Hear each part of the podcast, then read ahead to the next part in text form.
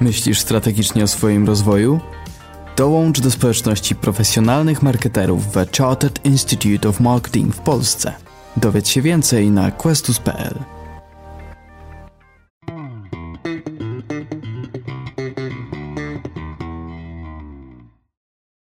Dzień dobry, witam w kolejnym odcinku Questus Marketing Podcast. Ja nazywam się Agata Mardosz-Grabowska i dzisiaj pozwolę sobie na nieco więcej niż zwykle słów wprowadzenia, ponieważ będziemy rozmawiać o temacie, jakim jest Sustainable Marketing i szeroko rozumiany biznes zrównoważony. No i są przynajmniej dwa powody, dla których zdecydowaliśmy się ten temat poruszyć. Pierwszy to kontekst, w jakim jesteśmy, czyli wojna na Ukrainie. Dzisiaj, kiedy nagrywamy ten odcinek, jest 30 marca, zatem niewiele ponad miesiąc od wybuchu wojny na Ukrainie, która dla wielu firm, dla wielu biznesów no, okazała się takim swoistym testem wartości, no i takiego etycznego, moralnego zachowania. Zachowania się tak, jak należy, albo wręcz przeciwnie. Zachowania się inaczej, wbrew pewnym wartościom, które tutaj w Europie i na całym świecie zachodnim wyznajemy. Drugi powód jest taki, że CIM, czyli The Chartered Institute of Marketing, zdecydował, no w zasadzie już, natomiast my to uruchomimy tutaj jako reprezentanci CIM-u w Polsce dopiero jesienią, zdecydował o wprowadzeniu nowej ścieżki specjalizacyjnej na zaawansowanym programie szkoleniowym dla menedżerów marketingu. W tym momencie będziemy mieć trzy takie ścieżki. Pierwsza ta ścieżka to jest taka ogólna ścieżka strategiczna, gdzie zdobywamy kompetencje z zakresu ogólnie rozumianej strategii marketingowej. Druga to jest ścieżka digitalowa, gdzie koncentrujemy się na strategii digital. I trzecia ścieżka to będzie ten sustainable marketing. I to pokazuje nam dość dobitnie, jakie dzisiaj mamy znaczenie tego zrównoważonego biznesu, że on jest tak naprawdę przez CIM już dzisiaj stawiany na równi chociażby z budowaniem strategii digitalowej. Więc coś, co jeszcze jakiś czas temu było takim nice to have, dzisiaj staje się dla biznesu must have. No i kiedy zdecydowaliśmy o tym, żeby nagrać ten odcinek, no to pierwszym i chyba najlepszym gościem, jaki przyszedł mi do głowy, był Jarek Gracel. Z Jarkiem poznaliśmy się osobiście 10 lat temu właśnie na programie zaawansowanym CIM. Jarek był wtedy szefem marketingu firmy Astor, dużej polskiej firmy technologicznej. Dzisiaj jest jej prezesem. To, co o Astorze na pewno możemy powiedzieć, to to, że Astor to sustainability zawsze miał mocno wpisane w DNA. Zarówno te 10 lat temu, kiedy to było jeszcze takie nice to have, jak i teraz, kiedy no, staje się to tak naprawdę fundamentem strategii każdego biznesu. Jarku, bardzo dziękuję Ci za przyjęcie zaproszenia i że mogliśmy się dzisiaj spotkać. Cześć, witaj. Również się cieszę. Słuchaj, no to na początek pytanie, kupujesz jeszcze w Leroy Merlin? Na ten moment nie, natomiast są też no, inne firmy, których nie kupuję. Myślę, że taką listę można sobie znaleźć w internecie właśnie, gdzie warto kupować, gdzie nie warto kupować. No i ta lista jest też dynamiczna, czyli są firmy, w których ta refleksja bardzo szybko przyszła i podjęły pewne decyzje. Są firmy, w których ta refleksja przychodzi na szczęście. No są firmy, które może tych decyzji nie podejmą, ale konsumenci mogą je podjąć za nie. Także też widać, jak, jaka jest teraz właśnie siła konsumentów konsumentów, siła takiej świadomości tego, czy jeżeli coś daje pieniądze, to warto to robić. Słuchaj, czy w związku z tymi ostatnimi wydarzeniami i wojną na Ukrainie wasza firma miała jakieś takie poważne dylematy w związku z tym, jak reagować, jak działać dalej? Jaka była wasza reakcja? Na szczęście skala naszego biznesu czy naszego działania w Rosji jest niewielka. Nie mamy tam fabryk, ani nie mamy tam sklepów, więc nie mieliśmy wielkich dylematów, no ale mieliśmy też dylematy na miarę swojej firmy. Na przykład no, odmówiliśmy sprzedaży do partnerów, którzy mieli sprzedawać coś do Rosji w najbliższym czasie i mieli realizować tam inwestycje. Mieliśmy kilka takich decyzji i takie decyzje podjęliśmy. Z ostatnich decyzji, które no, też, też nie były łatwe, ponieważ dotyczą kosztów transportu towarów z Chin, są różne ścieżki ścieżki do wyboru. Można transportować coś właśnie koleją przez Rosję i Białoruś, można transportować samolotem, można transportować transportem morskim. No i, przykładowo transport samolotowy w tym momencie jest pięć razy droższy niż transport kolejowy, ale podjęliśmy takie decyzje, że wysyłamy jednak rzeczy samolotami, bo no nie chcemy do, dokładać się w żaden sposób do jednak gospodarek ani Rosji, ani Białorusi i zapłacimy drożej, ale mamy poczucie, że to są to takie nasze mini sankcje nałożone na, na, na te kraje ze względu na to, co się dzieje dzieje teraz na Ukrainie. Słuchaj, powiedz mi, e, czym jest dla Ciebie to osłabione sustainability? I czy dziś w biznesie, no tak jak na początku mówiłam, to Twoim zdaniem jest ciągle jeszcze takie nice to have, czy to rzeczywiście już staje się takim must have? Zacznę od takiego żartu, na pewno jako dla Polaka to sustainability jest bardzo trudnym słowem do wymówienia, więc... To prawda. To prawda, ale bardzo ciężko jest tak naprawdę znaleźć takie słowo, które by to tak idealnie oddawało, bo nawet ten zrównoważony biznes to nie do końca jest to, e, o czym mówimy. My nawet mieliśmy dylematy związane z tym, jak nazwać e, dokładnie tą kolejną ścieżkę, którą wprowadzamy. No i zdecydowaliśmy się jednak na tą angielską nazwę Sustainable Marketing. Na pewno jest to słowo rozpoznawalne międzynarodowo, no i jak się powie sustainable, to, to ludzie rozumieją. Dla mnie osobiście, no to myślę, że to słowo zrównoważone jest dość dobre, ponieważ w nim jest zawarte takie inne słowo równowaga, więc myślę, że jak popatrzymy na biznes, to zawsze na niego patrzymy z wielu perspektyw, ale na przykład mówiąc równowaga, no to każda firma, żeby wytworzyć jakieś dobra i później je sprzedać, to zużywa do tego jakieś zasoby czy jakieś aktywa. Na przykład firma meblarska produkuje meble, no to do tego musi zużyć bardzo dużo właśnie drewna, tak, więc wycina się lasy, żeby to drewno mieć, później je przetworzyć, no więc wyobrażałbym sobie, że firma meblarska, która zużywa dużo drewna, też potrafi równocześnie odtwarzać jakby te zasoby, które zużywa, czyli na przykład ma lasy, które sadzi i potrafi tyle samo tego drewna wyprodukować. W kontekście, mówiąc to już jakby zasadzić tych lasów i one rosną po prostu i to drewno powstaje w przyrodzie, i ile go zużywa. Także to, to może być przykład firmy no, takiej jak nasza, też chwilę się zastanawiałem, może być przykładem takiej równowagi, jeżeli my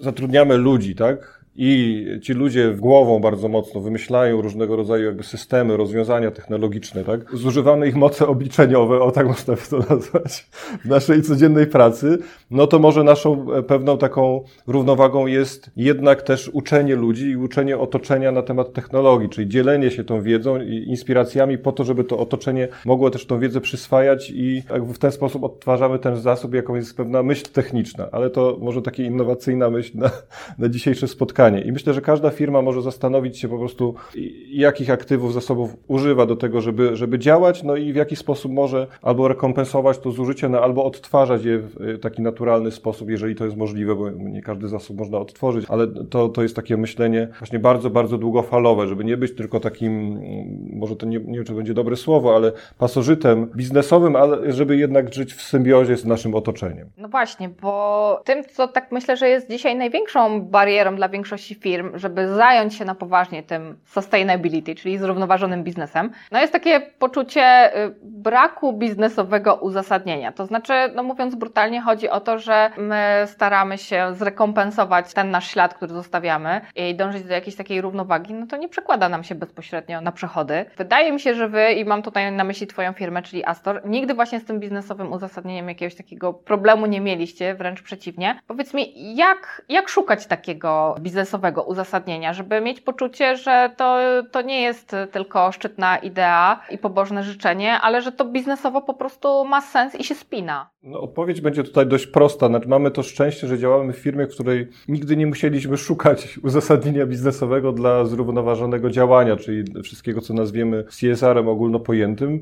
Akurat w Astorze to pochodzi od pewnych przekonań i podejścia właścicieli firmy i założycieli firmy, że zawsze mieli takie przekonanie, że firma powinna robić coś więcej niż tylko zarabiać pieniądze, albo że te pieniądze w Astorze nigdy nie były na pierwszym miejscu, zawsze były na drugim, a na pierwszym miejscu było coś innego, czy jest coś innego. Także mieliśmy akurat ułatwione zadanie. Zawsze powtarzamy, że zrównoważonego rozwoju nie da się tak fundamentalnie opisać KPI-ami, bo to nie o to chodzi. Może to jest trudne, żeby to zrozumieć, dlatego tym bardziej Wam gratuluję, że podejmujecie taki trud uczenia ludzi na poziomie strategicznym, czym jest ten zrównoważony rozwój, właśnie na równi ze strategią. Nawet powiedziałbym coś takiego, że wolę używanie słowa nastawienie na zrównoważony rozwój niż strategia zrównoważonego rozwoju, po prostu, bo to powinno być coś głębszego. Na, na takim przykładzie może to powiem, że kiedy poznajemy, czy firma firma, dla firmy ta strategia zrównoważona jest ważna, czy nie. Wtedy, jeżeli mamy kryzys, czyli jeżeli obroty firmy spadają na przykład o 30% i wtedy patrzymy, jak zachowuje się zarząd i właściciele, tak? Czy wtedy patrzą na Excela i nagle zwalniają ludzi po prostu od linijki, żeby wypracować zysk, czy jednak ci ludzie są ważniejsi i walczymy o to, żeby zachować miejsca pracy kosztem zysku, tak? Czy wielkości zysku, który jest. Więc to są takie momenty próby, w których widać, co tak naprawdę fundamentalnie jest dla,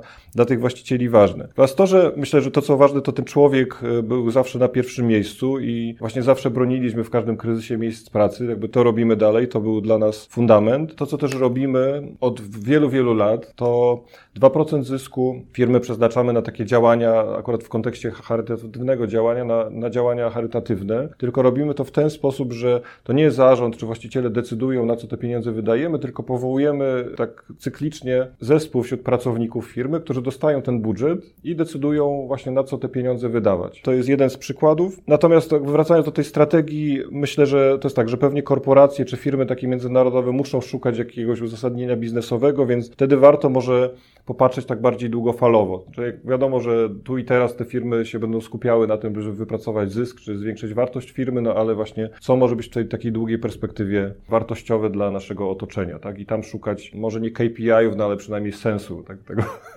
tego działania. Powiedz mi, jakie dzisiaj widzisz największe wyzwania związane z budowaniem zrównoważonego nastawienia na biznes? No i też jakie tak naprawdę korzyści to może chociażby w tej długofalowej perspektywie przynieść firmom? Największe wyzwanie no to znalezienie tego głębszego sensu w tym, po co to robić dla firm i takie przekonanie, że, że warto to robić. I na pewno wyzwanie dość duże to jest oddanie odpowiedzialności za to ludziom, czyli podzielenie się i żeby, żeby to nie właśnie nie były działania zarządu, tylko żeby to były działania takie naturalne, wychodzące od czyli ta, ta przestrzeń takiego zrównoważonego działania to jest, to jest dla mnie taka przestrzeń typowego działania w sposób jakby od dołu do góry, tak? Czyli mamy mądrych ludzi w firmie, oni mają zazwyczaj wtedy dobre pomysły, tak? Dajemy im możliwość decydowania i realizowania tych pomysłów zrównoważonych, no i wtedy wypracowują coś, co ma taki długo, długofalowy sens. Na przykładzie Astora no, to są takie działania, które robimy od około 8 lat w zakresie przemysłu 4.0, czyli powstała taka idea. W 2014 roku myśmy w zasadzie bardzo szybko ją podchwycili, zaczęliśmy po pierwsze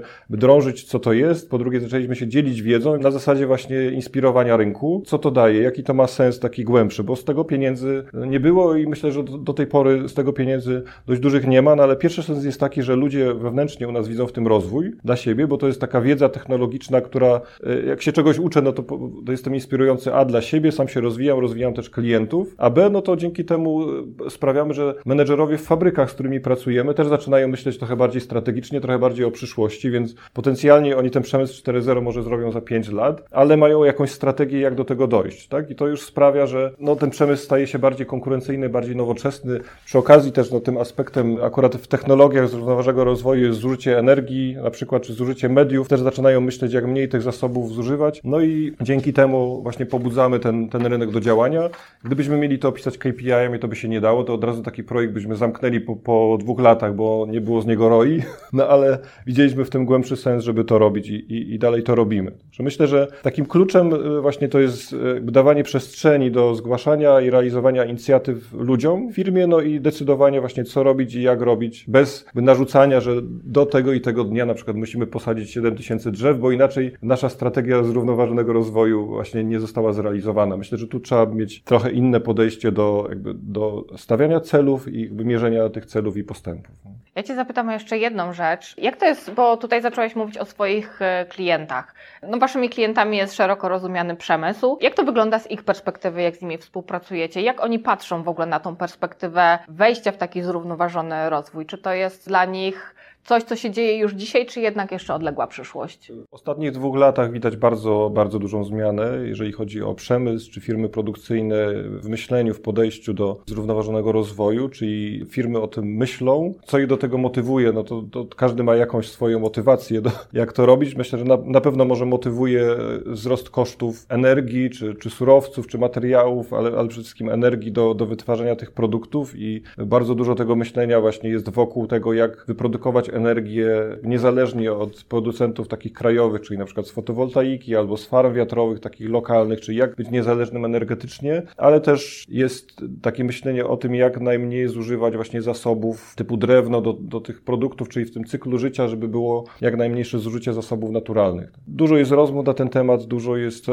inwestycji takich technologicznych też w tym kierunku. Powiedz mi teraz, jak taki biznes zrównoważony budować od środka, czyli jak zarządzać firmą, która chce działać w taki sposób zrównoważony, no ale też, tak jak mówiłam wcześniej, chciałaby, żeby w ostatecznym rozrachunku wiązało się to jednak z korzyścią, a nie ze stratą. Jak tym zarządzać od środka, żeby, żeby firma mimo wszystko rosła, żeby to była inwestycja właśnie, a nie koszt? My wychodzimy z takiego założenia, że w każdej firmie, w naszej firmie także, ale w każdej firmie są mądrzy ludzie, znają kierunek działania firmy i znają ogólną strategię. Jeżeli tym mądrym ludziom damy przestrzeń do działania, do decydowania, tak podejmowania inicjatyw, no to oni podejmą dobre decyzje, decyzje i też będą działali w takim duchu właśnie zrównoważonym. To jest, nie wiem, czy nasz autorski, ale to jest nasz pewien sposób działania, który od wielu, wielu lat stosujemy, że na przykład robimy strategię, to e, właśnie strategia nie powstaje w pokoju zarządu, tylko strategia powstaje w ten sposób, że najpierw pytamy wszystkich pracowników firmy w formie ankietowej, gdzie widzą sukcesy poprzedniej strategii, gdzie widzą wyzwania dla firmy, czym warto się zająć. Później powołujemy zespoły, czyli pracują nas 160 osób, więc każda osoba się może wypowiedzieć na temat poprzedniej strategii i wyzwań. Później powołujemy zespoły robocze, czyli na przykład z tych 160, 60 osób pracuje już w konkretnych zespołach, w których ta strategia powstaje. No i na końcu zarząd tylko w, wspólnie z kierownikami, liderami podejmuje decyzję, co jesteśmy w stanie zrealizować w czasie trzech lat, w których ta strategia będzie realizowana, ale to jest działanie jakby od dołu do, do góry i to widzimy jako taki najbardziej skuteczny sposób y, działania. Na pewno do takich działań potrzebne są też fundusze, więc zarząd na pewno może wspierać to w ten sposób, że jak już daje decydować tym ludziom, to też daje im pieniądze, żeby no, nie mieli związanych rąk, nie musieli tylko po godzinach i robić wolontariatów, tylko żeby jednak mogli podejmować decyzje, jakby komu, kogo wspierają, jak wspierają, czy uruchomić jakiś projekt konkretny, gdzie są potrzebne też pieniądze. Także jedno i drugie tutaj jest bardzo ważne. No i takie też przekonanie w tych momentach próby, że jednak ten zrównoważony rozwój jest ważny czyli jak przychodzi kryzys, to jednak, żeby ci właściciele i zarząd pokazali, że ta strategia jest, czy to nastawienie jest na równi z tą naszą chęcią, to już mówię ogólnie o firmach, czy z tą chęcią wypracowywania zysku. No bo jak w tym momencie próby się zarząd nie broni, no to, to później ludzie jednak trochę nie, nie będą wierzyli. Mieliśmy kilka takich momentów próby. Taka, którą opisywaliśmy w naszych różnych opracowaniach, no to jest kryzys roku 2008,